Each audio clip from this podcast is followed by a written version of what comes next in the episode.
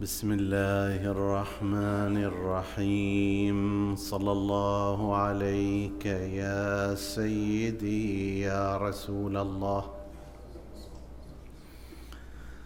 صلى الله عليك وعلى ابن عمك أمير المؤمنين. وعلى أهل بيتك الطاهرين. صلى الله عليك يا سيدي ويا مولاي. يا أبا عبد الله الحسين. ما خاب من تمسك بكم وامنا من لجأ إليكم. يا ليتنا كنا معكم فنفوز فوزا عظيما. يا سائلي أين حل الجود والكرم؟ عندي بيان إذا طلابه قدموا. هذا الذي تعرف البطحاء وطأته والبيت يعرفه والحل والحرم. هذا ابن فاطمة إن كنت جاهله. بجده أنبياء الله قد ختموا. وليس قولك من هذا بضائره. العرب تعرف من أنكرت والعجم يكاد يمسكه عرفان راحته. ركن الحطيم إذا ما جاء يستلم ما قال قط ما قال لا قط إلا في تشهده. لولا التشهد كانت لاءه نعم نعزي رسول الله صلى الله عليه وآله والعترة الهادية ثم مراجع الدين وعامة المؤمنين وخصوصا من يستمع بمناسبة شهادة زين العابدين علي بن الحسين سلام الله عليه. ونسأل الله الذي رزقنا معرفته ومحبته أن يرزقنا شفاعته إنه على كل شيء قدير. ونتحدث في هذه الليلة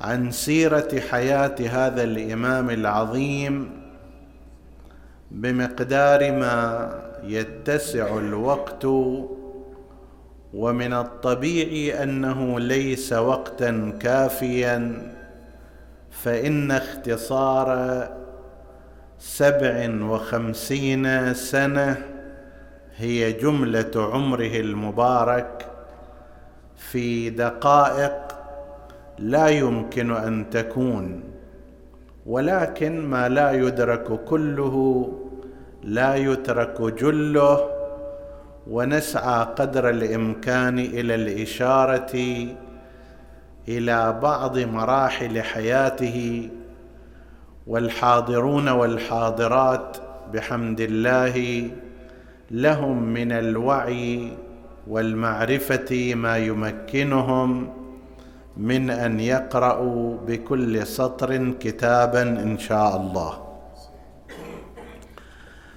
الإمام أبو الحسن وأبو الحسين وأبو محمد وهي كناه ولد في سنة ثمانية وثلاثين للهجرة. وبهذا يكون قد أدرك من زمان أمير المؤمنين جده سنتين. حيث أن شهادة الإمام علي عليه السلام كانت في سنة أربعين للهجرة ويكون قد أدرك من حياة عمه الحسن اثنتي عشرة سنة والباقي كان قسم منها مع أبيه أبي عبد الله الحسين. حيث كان عمره نحو ثلاثة وعشرين سنة عندما استشهد والده أبو عبد الله في كربلاء صلوات الله وسلامه عليه. من المهم أن يحفظ هذا الرقم رقم سنة ثمانية وثلاثين لأنه سنعتمد عليه فيما بعد في إجراء بعض المسائل التاريخية المرتبطة بالإمام السجاد سلام الله عليه. هذا عن الولادة وأما الوالدة الوالدة هي شهزنان أو شهربان من الأسرة الملكية في فارس. هذه نقطة اتفاق.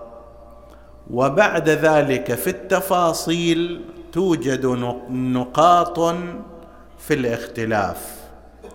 منها كيف وصلت إلى أن تكون زوجة للإمام الحسين عليه السلام وأن تلد الإمام السجاد صلوات الله وسلامه عليه.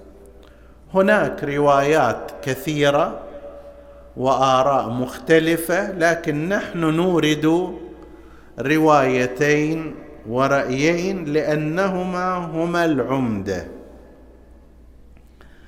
الرواية الأولى هي التي يتبناها التاريخ الرسمي التابع لمدرسة الخلفاء. الآن عندما تفتح كتب التاريخ الموجودة في المكتبات في بلاد المسلمين تجد هذه الرواية باعتبارها أنها هي الرواية المعتمدة عند مذهب الخلفاء. وحاصلها أن في أيام الخليفة الثاني حصل فتح لبلاد فارس. صارت غنائم من الغنائم الأسلحة الأموال غير ذلك وأسرى أيضا. وكان من الأسرى بنات للعائلة المالكة حينها.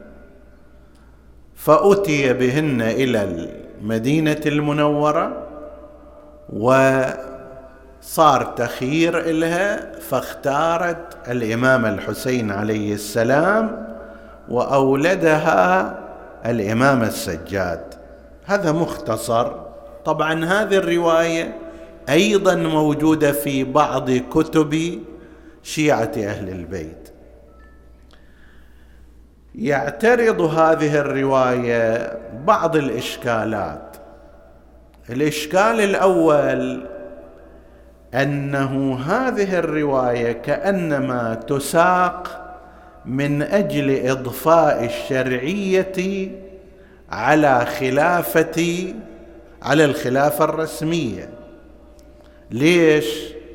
لأن سيقولون لك هكذا أن هذا الغزو إما أن يكون شرعيا فما يترتب عليه أيضا سيكون شرعيا أو لا يكون شرعيا فما بني على باطل يكون باطلا. شيء إذا اصله غير مشروع ثمارة نتائجة عوائده أيضا غير مشروعة. فإما أن تقولوا بأن الخلافه آنئذ خلافه شرعية لا يوجد إشكال عليها والإمام علي عليه السلام اعترف بها فعلى ويش هالدق واللطم حسب التعبير عندكم أيها الشيعة. إذا لا تقولوا هذه مو شرعية وأن الخلافه قد اغتصبت من علي بن أبي طالب زين.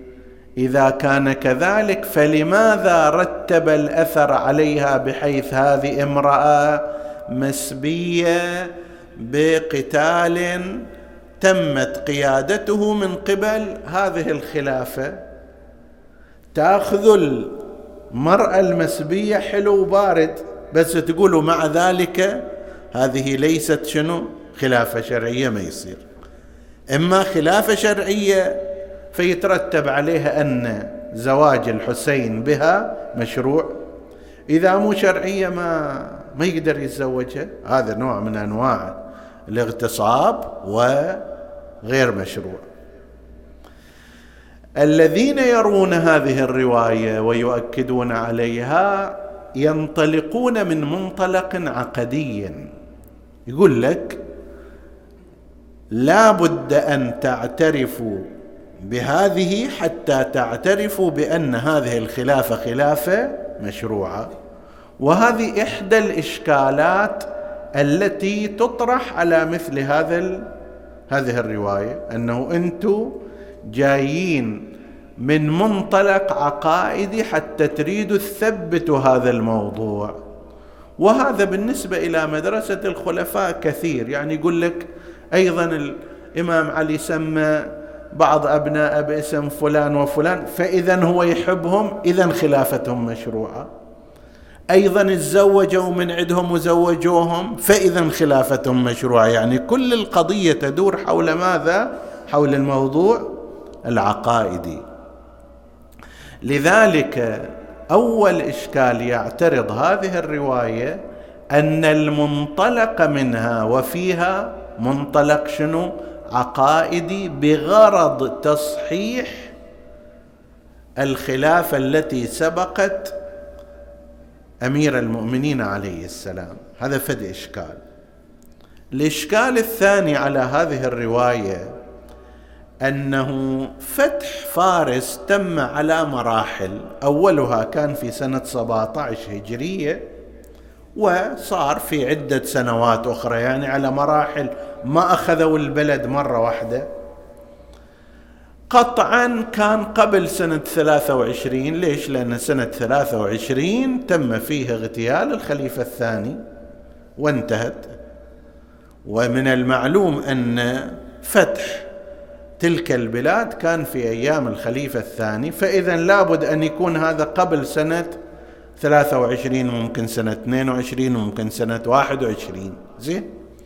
تزوجها الإمام الحسين لنفترض في سنة 21 العادة لا سيما في الزمن القديم اللي قضية الموانع الحمل هم كثقافة اجتماعية وأيضا كحالة دينية ما كانت موجودة بالعكس.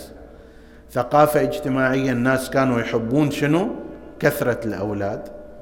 كقضية دينية أيضا عند الناس أنه الأفضل أن يكون للإنسان أولاد كثيرون.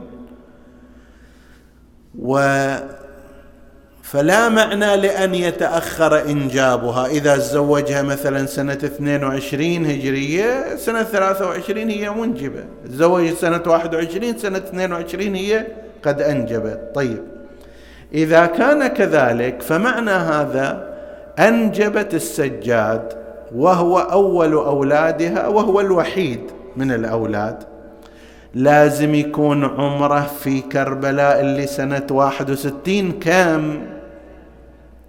إذا تزوجها مثلا سنة واحد وعشرين وأنجبت سنة اثنين وعشرين لازم يصير عمره أربعين سنة تسعة وثلاثين سنة وفي هالحدود بالإجماع عند كل المؤرخين أن الإمام السجاد عليه السلام في كربلاء لم يتجاوز أربعة وعشرين سنة.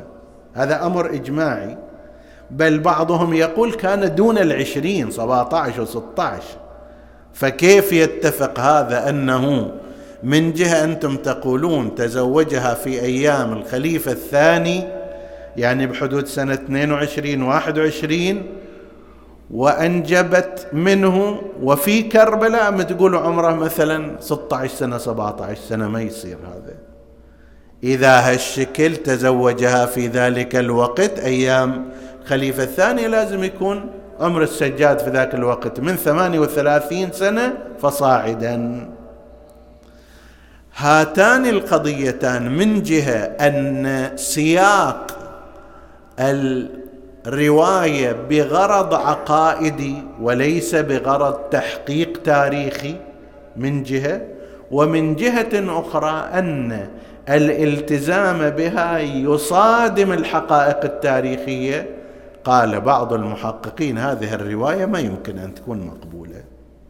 الرواية الثانية اللي لا تبتلى بإشكالات واضحة وهي مروية من طرق الإمامية أن الإمام عليا عليه السلام بعدما وصلت إليه الخلافة الظاهرية في سنة ستة وثلاثين هجرية أرسل أحد ولاته إلى بلاد المشرق يعني فارس وايران وهالمنطقه فعثر على ابنتين لتابعتين للأسرة المالكة هناك. وآنئذ جلبتا إلى الكوفة فزوج الإمام علي عليه السلام إحداهما للحسين وأنجبت منه السجاد. وزوج الأخرى لمحمد بن أبي بكر اللي هو يصير ابن زوجة الإمام. أسماء بنت عميس أم محمد بن أبي بكر تزوجها الإمام علي عليه السلام بعد أبي بكر وبقيت في منزله ولذلك تربى محمد ابن أبي بكر في حجر علي في دار علي وأخذ ثقافته وصار ولايته لأمير المؤمنين حتى نقل عن علي أنه قال محمد يعني ابن أبي بكر ابني من صلب أبي بكر ابني بالتربية ابني بالعلم ابني بالثقافه ولكن من حيث النسب ينتمي إلى الخليفة الأول. فزوج إحداهما للحسين وأنجبت من الحسين السجاد وزوج الأخرى لمحمد بن أبي بكر وأنجبت من محمد بن أبي بكر الثانية القاسم ابن محمد بن أبي بكر أيضا أحد فقهاء المدينة الكبار واللي تزوج ابنته فيما بعد الإمام الصادق صلوات الله وسلامه عليه.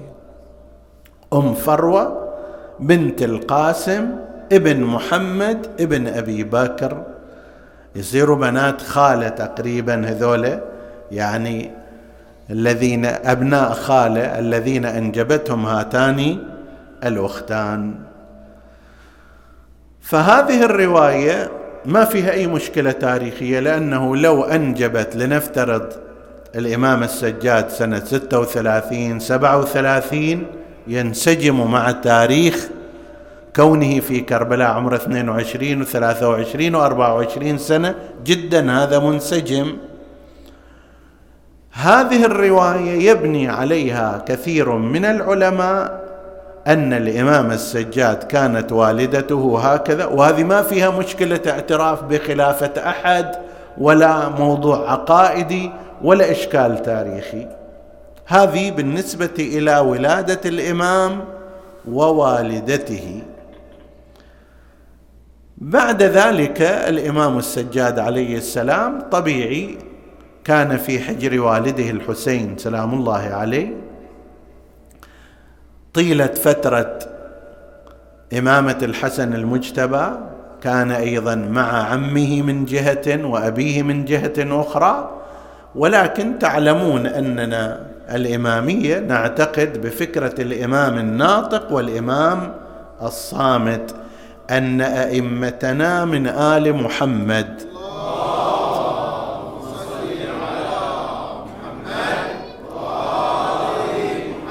هؤلاء وإن كانوا معينين من قبل الله عز وجل من الأزل وأن رسول الله صلى الله عليه وآله إنما بلغ عن ربه وأخبر عن ربه بأسمائهم مو هو النبي عينهم ولا أنه لما وصل الدور إليهم صاروا أئمة لا.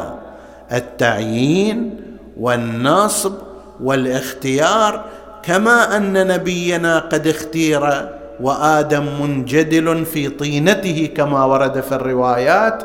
أيضا من ذاك الوقت إمامة أئمتنا عليهم السلام كانت حاصلة ومعينة ومرتبة ولكن الأمور الخارجية الإمامة الفعلية تنتظر زمان تنتظر مكان تنتظر أن الإمام السابق يرتحل عن هذه الدنيا حتى تصير إمامة فعلية. فيقال للإمام مثلا السجاد في أيام ابيه هو إمام ولكن إمام صامت. إلى أن يستشهد والده عليه السلام ذاك الوقت يصير الإمام الناطق الإمام الفعلي الإمام الذي يمارس أدواره ومهماته بشكل كامل. وإلا كل عدة الإمامة كلها موجودة عنده ولكن ممارستها فعليا هي بذهاب ذلك الإمام السابق عليه. فبقي مع أبيه الحسين عليه السلام تحت ظله ضمن خطته في دوره معينا ومساعدا لأبيه إلى أن صار قضية الخروج من المدينة إلى مكة. سبعة وعشرين رجب سنة ستين للهجرة عندما خرج الحسين عليه السلام من المدينة إلى مكة المكرمة ومنها إلى كربلاء. كان من الطبيعي أن يرحل معه ابنه الإمام السجاد عليه السلام فخرج الإمام السجاد ومعه ابنه محمد بن علي الباقر عليه السلام وزوجته أيضا فاطمة بنت الحسن زوجة الإمام السجاد.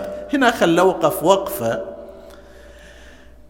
صحيح الأئمة هم من صلب الإمام الحسين ومن ذرية الإمام الحسين لكن ما صار استبعاد للإمام الحسن وإنما تشارك وتشاطر الأئمة في الصفات الوراثية كمال الإمام الحسن كمال الإمام الحسين عليه السلام اجتمعا من جديد في من في الإمام محمد بن علي الباقر لأن السجاد تزوج بنت الحسن فاطمة بنت الحسن فاجتمع هذان الفرعان العلويان والغصنان الفاطميان من جديد. ولذلك بهذا مثلا الإمام الحسن عليه السلام يكون جدا لكل الأئمة. يعني يسألون واحد يقول له لماذا الإمام المهدي؟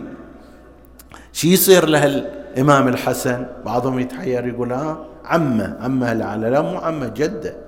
جده لأمه لأن فاطمة بنت الحسن زوجة الإمام السجاد عليه السلام وأم الإمام الباقر منها نسل أئمة أهل البيت عليهم السلام. فالإمام الحسن هو جد الأئمة من جهة أمهم فاطمة والإمام الحسين جدهم من جهة أبيهم اجتمع هذا الكمال في زمان الإمام الباقر صلوات الله عليه. فانتقل الإمام الباقر والإمام السجاد مع أبيه إلى كربلاء. الإمام الباقر ذاك الوقت عمره حدود ثلاث سنوات ونصف إلى أربع سنوات وراى ما رأى وشاهد ما شاهد ولذلك أيضا الإمام الباقر هو من نقلة حوادث كربلاء بتفاصيلها أحد الرواة لواقعة كربلاء هو الإمام السجاد أحد الرواة زينب أحد الرواة الإمام الباقر صلوات الله وسلامه عليه. اجينا إلى كربلاء. هناك عدة قضايا ترتبط بالإمام السجاد في كربلاء. أشير إليها إشارة سريعة. الإشارة الأولى هي أن الإمام السجاد عليه السلام ابتلي لحكمة إلهية بمرض يكون ذلك المرض عذرا له عن الخروج للقتال فيحفظ بذلك امتداد الامامه لو لم يكن الإمام مصابا بمرض يقعده عن القتال كان واجبا عليه من الناحية الشرعية أن ينهض لقتال الأعداء دفاعا عن إمام زمانه وهو الإمام الحسين عليه السلام. الدفاع عن إمام الزمان واجب على كل مؤمن به. ولو يصير كل ما يصير. زين أول من يعرف هذا هو الإمام السجاد سلام الله عليه. إلا إذا كان معذورا رفع عنه التكليف ذاك الوقت مرفوع عنه التكليف. ابتلاؤه بذلك المرض سوى عنوان أن هذا لا تكليف له لا يجب عليه.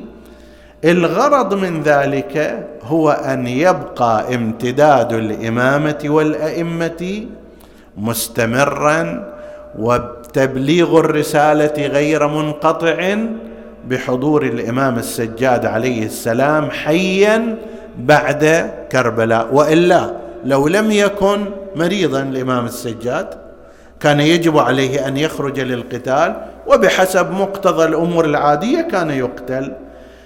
خلال هذه الفترة سوف تتعطل الإمامة.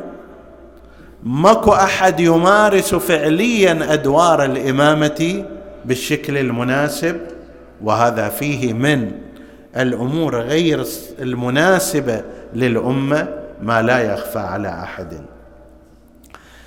ابتلي بهذا المرض المرض هذا تتعدد الأقوال فيه ولكن أقرب الآراء فيه هو أنه كما قالوا لم يكن لم تكن معدته تمسك الطعام.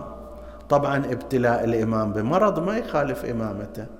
ابتلاؤه بالموت ما يخالف إمامته. الآن إذا ابتلي بالمرض تخالف إمامته ما يخالف. لا تتصور كيف إمامه يمرض. لا إمامه هم يموت. إنك ميت وإنهم ميتون. هاي حالة طبيعية. فابتلي بهذا المرض كأنه من خلال الروايات نوع لا تمسك المعدة الطعام وبالتالي لا يتحول إلى طاقة وقوة. قالوا إن المصاب بمثل هذا المرض بعد مدة من الزمان. إذا لم يتدارك أمره يصاب بما يشبه الجفاف والجفاف ينتهي عادة إلى الموت. لا سيما بالنسبة إلى الأطفال استمر هذا المرض مع الإمام السجاد عليه السلام إلى ما بعد خروجهم من كربلاء. هذا المقدار المتيقن اللي يذكر في الروايات كما عن الشيخ المفيد إلى ما بعد الخروج من كربلاء كان هذا المرض موجود. أكثر من هذا غير معلوم. يعني لا تتصور لما يقولون مثلا بحق علي لكربلاء أنه بقيت هذه العلة إلى آخر عمره لا ليس كذلك. مرض هو بمثابة عذر شرعي لفترة معينة من الزمان لما انقضت تلك المسؤولية رجع كل شيء إلى أمره وإلى حاله الاعتيادي. فهذا بالنسبة إلى مرض الإمام السجاد عليه السلام في كربلاء. أكو بعض المحققين والباحثين قالوا إن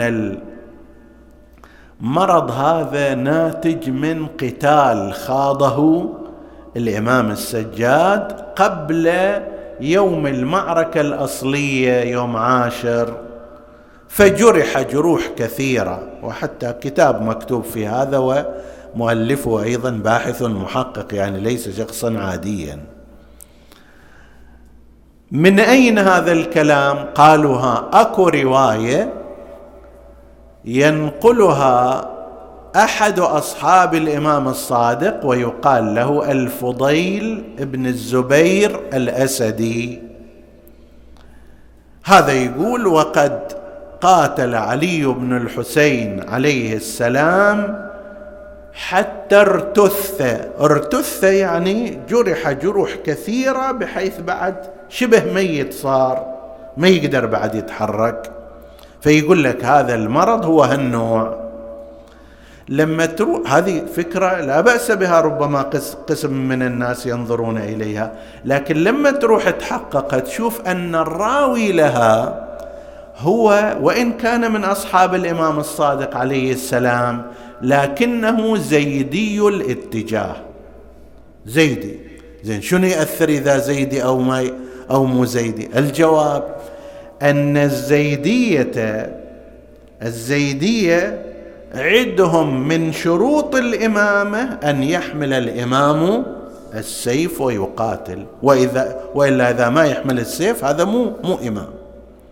زين الإمام السجاد عندهم إمام قطعا. وهو والد زيد بن علي الشهيد اللي هو أساس يعني الفكر الزيدي. هم يعتبرونه وإلا هو كان معترف بالإمامة. زين هذا إذا كان هم يعترفون به إمام الإمام السجاد. ومع ذلك ما قاتل اختل ماذا؟ اختل شرط الإمامة عندهم. هم يقولوا لازم يكون الإمام مقاتل لازم يرفع السلاح لازم يخوض الكفاح المسلح وإلا ما يفيد. عندنا الإمامية ليس كذلك. نقول الإمامة نصب من الله وتعيين من الله خارج شروطنا إحنا. كبير وصغير هذه عندنا مو عند الله. مقاتل وغير مقاتل عندنا مو عند الله سبحانه وتعالى. قد تجد إنسانا لم يقاتل أصلا وهو إمام كالإمام الصادق عليه السلام وسائر الأئمة. وتجد مقاتلا شرسا بل وفقيها مثل زيد بن علي. نعترف له بأنه فقيه وعالم وممدوح عندنا لكنه ليس بإمام مع أنه كان مقاتل. لما نشوف هذه الرواية نقول لا هذا يتبين أن الذي رواها رواها من خلال منطلق شنو؟ نصرة عقيدته هو الزيدية. وإلا لا أحد من المؤرخين يقول أنه صارت معركة قبل يوم العاشر واشترك فيها الإمام السجاد وأنه جرح جروحا خطيرة حتى ارتث. ارتث يعني يكاد يموت من كثرة الجروح وسيلان الدماء. لا أحد من المؤرخين يقول أصلا إلا هذا الرجل. فهذا ما يرتبط بمرض الإمام عليه السلام في كربلاء. أكو نقطة أخرى أيضا وهي أنه هل أنه هو الأكبر أو الشهيد هو الأكبر؟ عندنا هو الشائع علي الأكبر الشهيد وهو الحق لكن بعض العلماء قالوا لا. الإمام السجاد هو الأكبر ولكن هذا الرأي رأي غير سليم. الإمام السجاد ولد سنة ثمانيه وثلاثين يعني عمره في يوم كربلاء حدود ثلاثة وعشرين سنة. بينما علي الأكبر أكثر الروايات تقول إن عمره سبعة وعشرين سنة بعضها تقول ثمانية وعشرين سنة أقلها يقول ستة وعشرين سنة يعني هناك فاصلة ثلاث سنوات في أقل تقدير بينهما. ولا يضر أن يكون الإمام السجاد أصغر سنا من علي الشهيد لأنه كما قلنا الإمامة ما مربوطة بكبر السن وصغره. مسألة أيضا أخرى متفرعة على هذا وهي السلام في زيارة عاشوراء. نقرأ السلام على الحسين وعلى علي بن الحسين وعلى أولاد الحسين وعلى أصحاب الحسين. فمن هذا علي بن الحسين؟ قسم من العلماء قالوا علي بن الحسين يعني المقصود هو الشهيد الأكبر. ليش؟ قالوا لأن مصيبة علي الأكبر عليه السلام كانت مصيبة شديدة على الإمام الحسين عليه السلام وكان أول هاشمي قاتل القوم فاستحق إفراده بالتسليم. أضف إلى ذلك يقول أصحاب هذا الرأي أن الزيارة أساسا هي للشهداء وفي طليعة الشهداء هو منه علي الأكبر. هناك رأي آخر ينصره آخرون ويقولون لا علي بن الحسين هنا هو الإمام السجاد. ليش؟ قالوا لأن مرتبة الإمامة أعظم من مرتبة الشهادة. لو علي الأكبر بقي علي علي السجاد يكون إمامه يأمره فيأتمر وينهاه فينزجر وهو بلا ريب أفضل منه. هذاك إمام حتى في زمان أبيه هذا إمام ولكن صامت. الشهيد لا ليس إماما هو مأموم على كل حال. فمرتبة الإمامة مرتبة أعلى وأفضل وأكبر من مرتبة الشهادة. فاستحق الإمام السجاد إفراده بالسلام لأجل هذه الميزة. واحد. اثنين لو أنه إحنا قلنا هذه الزيارة مالت الشهداء. زين؟ وقلنا أن علي بن الحسين يعني الأكبر فالسجاد طالع برا من السلام. ليش؟ لأنه هو ليس من الشهداء في كربلاء. وأيضا علي بن الحسين ما تخصه فمعنى ذلك أنه يسلم على كل كل من كان مع الحسين عليه السلام لكن ابنه السجاد الإمام لا يسلم عليه. هذا أمر غير مقبول قطعا. بينما إذا قلنا لا علي ابن الحسين هو السجاد أفرد بالسلام لجهة إمامته وعلي بن الحسين الشهيد داخل في ضمن أولاد الحسين الشهداء والزيارة مقررة على أساس الشهداء فأولاد الحسين يعني الشهداء من أولاده وهو داخل فيهم. لا هذا يخسر سلام ولا هذا يخسر سلام. فالصحيح بناء على هذا الرأي أن السلام في زيارة عاشوراء الذي خص به علي بن الحسين هو الإمام السجاد سلام الله عليه. هذا ما يرتبط ببعض شؤون كربلاء والإمام السجاد. الإمام السجاد بعد شهادة أبيه أخذ على عاتقه قيادة الركب الحسيني وراح إلى الكوفة ومنها إلى الشام وبعد ذلك عاد إلى كربلاء من جديد ثم بعد ذلك في شهر ربيع من نفس السنة وصل إلى المدينة المنورة ومن يوم عاشر بعد الظهر شهادة الحسين صارت الإمامة بالنسبة له فعلية. وهو إمام ناطق يمارس دوره. إلى أن رجع إلى المدينة في شهر ربيع الأول في نفس تلك السنة الإمام السجاد عليه السلام بدأ يمارس إمامته في محيط المدينة. أول شيء اتخذه الإمام السجاد عليه السلام أنه خرج من وسط المدينة إلى طرفها واتخذ له خيمة شعر بيت شعر يسكن فيه. بيتهم الأصلي في داخل المدينة بجانب مسجد رسول الله لم يكن هو البيت الدائم صار أكثر شي تواجده وين؟ في طرف المدينة في بيت في بيت خيمة شعر بيت شعر اتخذ له بيت شعر وهو معروف. ليش؟ لجهات. الجهة الأولى أن المدينة المنورة في ذلك الوقت يعني من بعد سنة واحد وستين إلى سنة ثمانية وستين كانت مضطربة أشد الاضطراب. في البداية صارت حركة التوابين وجت آثارها إلى المدينة. بعدها صارت حركة المختار الثقفي وأيضا نفس الكلام. عبد الله بن الزبير ذاك مركزه كان أصلاً. الأمويون كانوا يريدون أن يركزوا سيطرتهم. ثورة عبد الله بن حنظلة غسيل الملائكة كانت ضد يزيد في هذه المنطقة. فالوضع جدا كان مضطرب.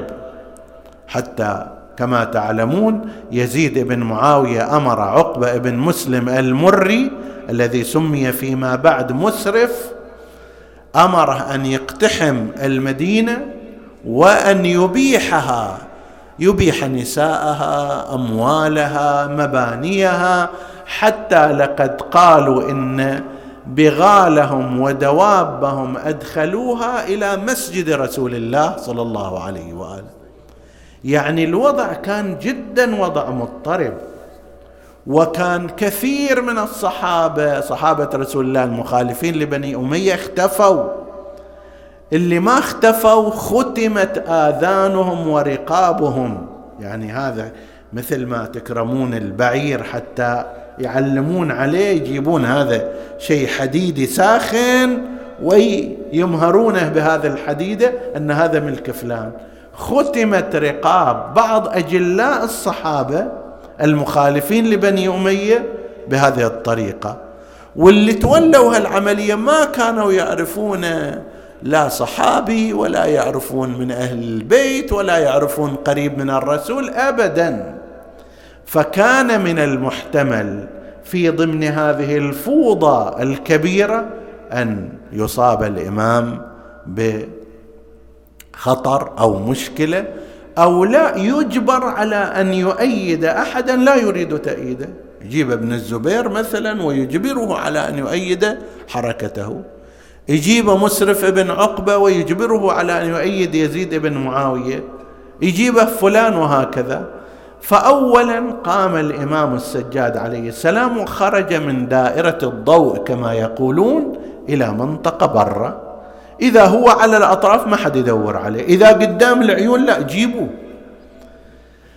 إضافة إلى ذلك الإمام السجاد أيضا لأجل هذا الغرض ولغيره بدأ بزيارات منتظمة للإمام لقبر أمير المؤمنين عليه السلام ولقبر الحسين بأغراض مختلفة. واحد تثبيت هذا كشيء تاريخي وتعليم اصحابه أن هذا مكان قبر الإمام.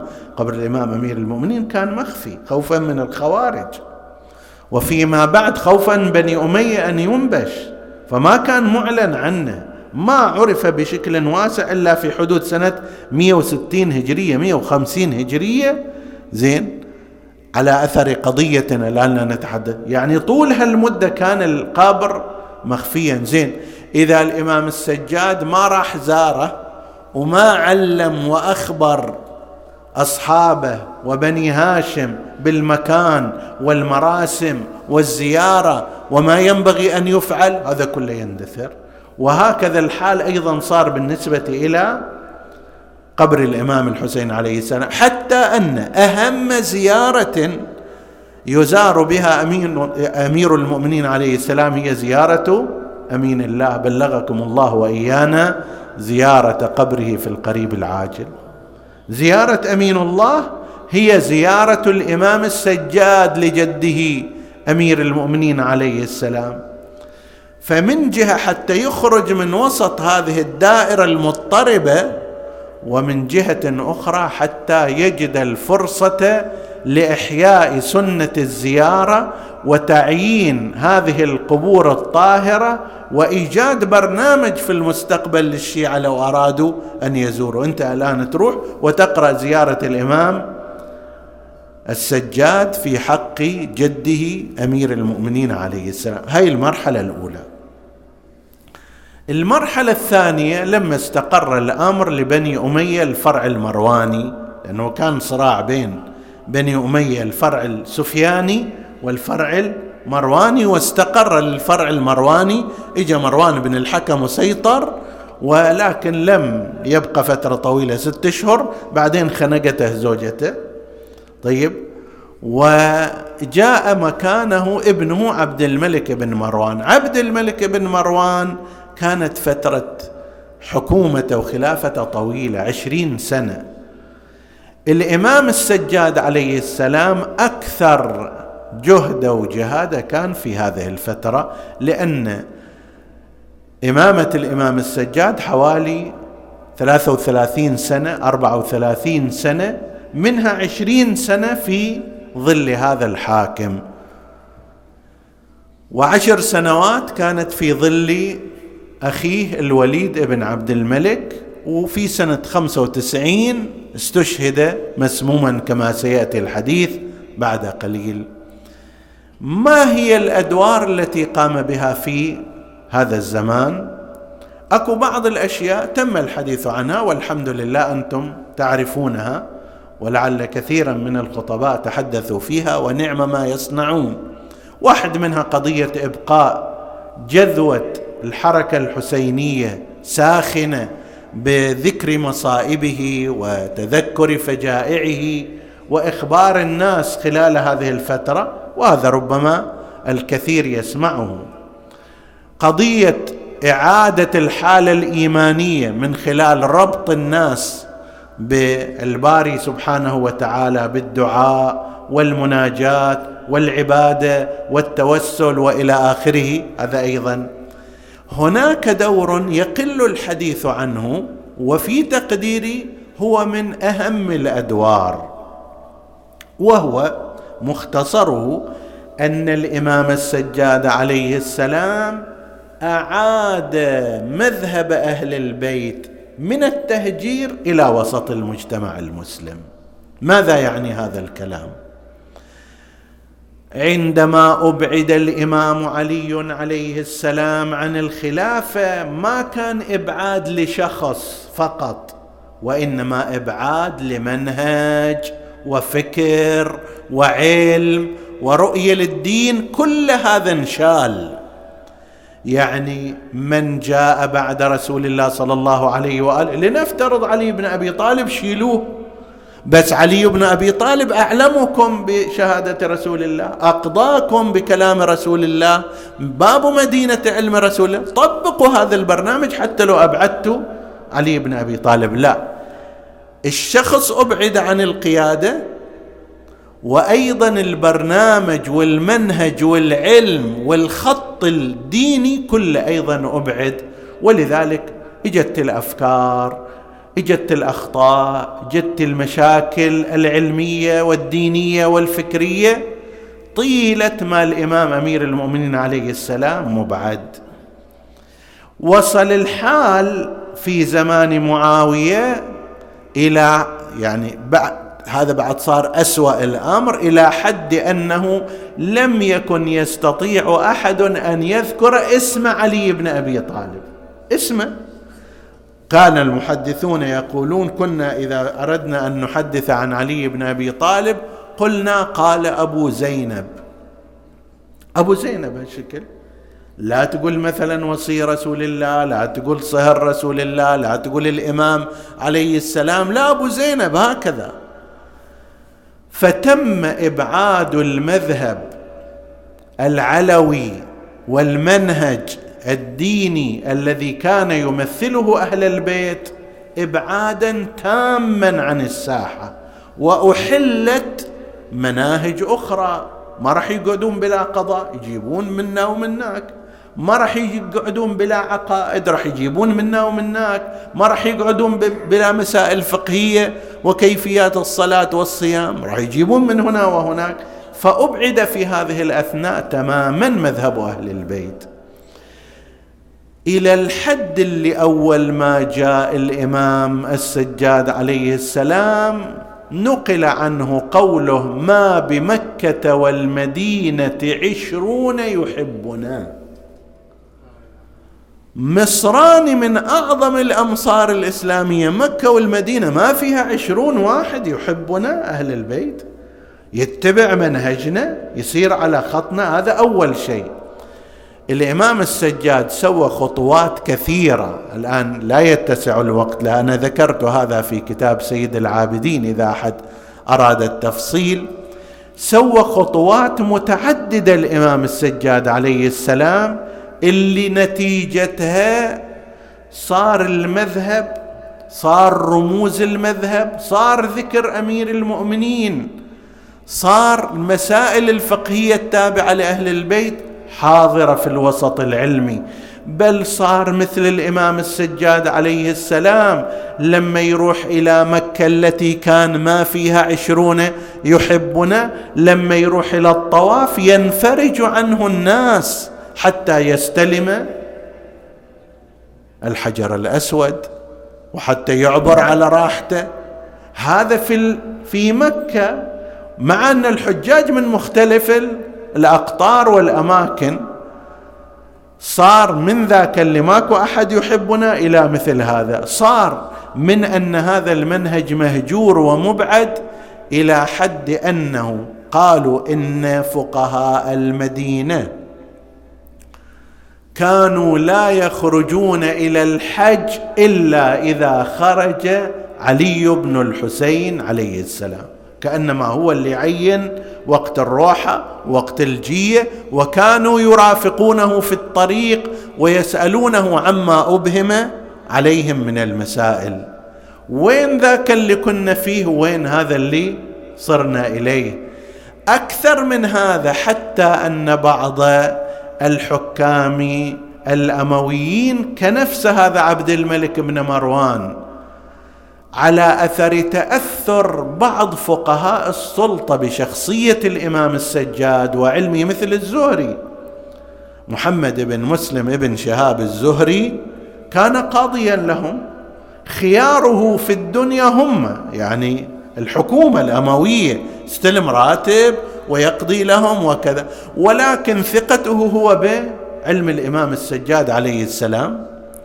وكان يعتقد فيه اعتقادا كبيرا حتى كان يقول حدثني سيد العابدين وهو أكرم هاشمي رأيته. زين هذا كان صار موقع الإمام السجاد عليه السلام بين الفقهاء بل نقل أنه عندما دخل علي بن الحسين والزهري على عبد الملك بن مروان اللي هو رئيس السلطة ورأى في جبينه آثار السجود كثفنات البعير. أكبره ذلك أكبر فيه ذلك. وقال له يا ابن الحسين لقد أجهدت نفسك في الله إجهادا كبيرا. يعني كان مذهول أن شخصا بهذه الطريقة يعبد الله سبحانه وتعالى. ما أريد أقول كان صادقا في ذلك ولكن بالتالي بين ذاك المذهب والمنهج اللي كان منفي تماما إلى منهج حاضر الفقهاء يطلعون بطلعته يقعدون وياه يسالونه يتتلمذون على يديه إلى غير ذلك. وهذه في تقديري هي اللي مهدت الأرضية للإمام الباقر والإمام الصادق عليهما السلام في أن ينشر علم أهل البيت بشكل واسع. هذا من الأدوار المهمة التي قام بها الإمام السجاد سلام الله عليه. مرت بعد ذلك فترة سيئة هي فترة الوليد ابن عبد الملك. أخي عفوا ابن هذا عبد الملك ابن مروان وكان شرسا كان فاتكا. أسهل شيء عنده انه أجلد فلان مئة جلدة. هالشكل في اولا قرب إليه الحجاج الثقفي. حجاج الثقفي معروف جرائمه وكذا. حتى قيل لأحد التابعين ما تقول في الوليد ابن عبد الملك شنو رأيك فيه قال ما أقول في رجل الحجاج سيئة من سيئاته. يعني إحدى سيئات هذا الرجل الوليد هو الحجاج الثقفي اللي سلط أول شيء على المدينة ثم جعله على العراق وفعل فيه البلدين الأفاعيل. أشياء كثيرة تذكر عن هذا عبد الملك عن الوليد بن عبد الملك. منها قضية الجلد بلا مبرر لبني هاشم الحسن بن الحسن اللي هو يسمى الحسن المثنى وكان في كربلاء وجاهد هناك وقطعت يده لكنه عولج وعاش من استمر في المعيشة. أمر واليه على المدينة أنه جيب إلى المسجد ومده وأجلده مئة جلده هكذا بلا مبرر. وما اكتفى بذلك بعد ذلك نفس هذا الحسن بن الحسن دس إليه الوليد بن عبد الملك سما فقتله هذا واحد من بني هاشم. الثاني أبو هاشم ابن محمد بن الحنفية. محمد بن الحنفية ابن أمير المؤمنين. عنده ولد اسمه أبو هاشم. أيضا هذا استدعاه الوليد بن عبد الملك إلى الشام.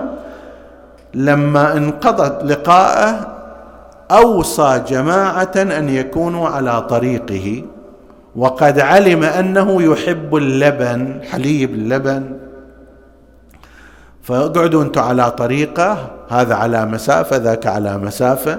فإذا وصل إليكم اعزموه على هذا وكان اللبن مسموما. وبالفعل أيضا هكذا حصل. سمى هذا اللعين أبا هاشم محمد بن الحنفية في هذا اللبن وثالث الجميع وأزكاهم وأفضلهم وأفضل الخلق في زمانه كان إمامنا الإمام السجاد صلوات الله وسلامه عليه عندما أمر واليه على المدينة وكان في وقت من الأوقات الحجاج وفي وقت آخر هشام بن إسماعيل وفي وقت ثالث عثمان بن حيان المري وهؤلاء كانوا شديدي العداوة لأهل البيت عليهم السلام فأمر واليه على المدينة المنورة بأن يدعو الإمام السجاد عليه السلام وأن يدس إليه السم في شراب أو طعام. وهكذا حصل عندما جاء إمامكم. الإمام السجاد صلوات الله وسلامه عليه وقد أضعف بدنه سلام الله عليه كثرة بكائه على أبيه الحسين. بكى الإمام السجاد على أبيه نحوا من ثلاثة وثلاثين سنة من بعد كربلاء إلى أن استشهد صلوات الله وسلامه عليه. حتى كان لا يذكر كربلاء إلا وبكى واستعبر ولا ينظر إلى الماء إلا ودمعت عيناه وربما قال لهم كيف أشرب وقد قتل والدي الحسين عطشانا كيف ألتذ بالماء؟ يعاتب لم لا تنسى لم لا تتسلى يكفي عليك ذلك أما آن لحزنك أن ينقضي؟ ولدمعك أن يجف. يقول كيف؟ كيف لحزني أن ينقضي؟ وما رأيت عماتي وأخواتي إلا وذكرت فرارهن في البيداء وهن ينادين ومحمدا وعلي أنا قدامي مصيبة دائمة. في كل الأوقات كل ما تقع عيني على زينب أنظر كيف ضربت. أنظر إلى أختي سكينة وأنظر وأذكر كيف قيدت. وهكذا الأطفال الصغار الكبار. زين هذا ما يأثر على بدن الإنسان بالله عليك؟ ثلاثة وثلاثين سنة وأربعة وثلاثين سنة وهو في حالة حزن وبكاء ويجي فوقه أيضا ذلك السم النقي الذي قدم إليه. أيوا سيداه وإماماه ومظلوماه قدم الي ذلك السم فسرى في بدني وأضعف قوايا كان بين أهله وأولاده بدأ يوصيهم بوصايا. إياك وظلم من لا يجد عليك ناصرا إلا الله. عندها عرق جبين الإمام. وسكن انينه مدد يديه ورجليه. غمض عينيه. فاضت روحه الطاهرة. أين المنادي وإماما يا وسيداه ومظلوما. فارق أبو محمد الدنيا ومات مسموم. وما جت الروضة والقبر. والدين ماله. وشمار أبو جعفر عن أردانه يغسله. خلاه فوق المغتسل والدمع هله وقال له يا ركن الدين. يا سيد الملة. باقي اثر هالجامعه برقبتك لليوم. قال أرباب الخبر لما كان إمامكم الباقر يغسل أباه وإذا به يرى آثارا في عنقه. آثار تلك الجامعة التي غل بها منذ كربلاء. يا باقي أثرها الجامعة برقبتك لليوم وسون أثر يا يا يا. بزنودك هالأغلال. ما تمحي طول الدار يا سيد الآن والدهر شانه يدهي الأبدال بهوال. وأيامهم كلها تصير هموم وغموم جهز إمامكم إلى البقيع. بعدما غسل كفن دفن في وسط حضور الناس لكن والده الحسين بقي ثلاثة أيام لم يجهز. بقي ثلاثة أيام لم يدفن حتى جاء إليه. ما إن بقيت من الهوان على الثرى ملقا ثلاثا في ربا ووهادي إلا لكي تقضي عليك. صلاتها زمر الملائك فوق سبع شداد. نسألك اللهم وندعوك باسمك العظيم الأعظم الأعز الأجل الأكرم يا الله. اغفر لنا ذنوبنا كفر عنا سيئاتنا آمنا في أوطاننا لا تسلط علينا من لا يخافك ولا يرحمنا. ولا تفرق بيننا وبين محمد وآله طرفة عين.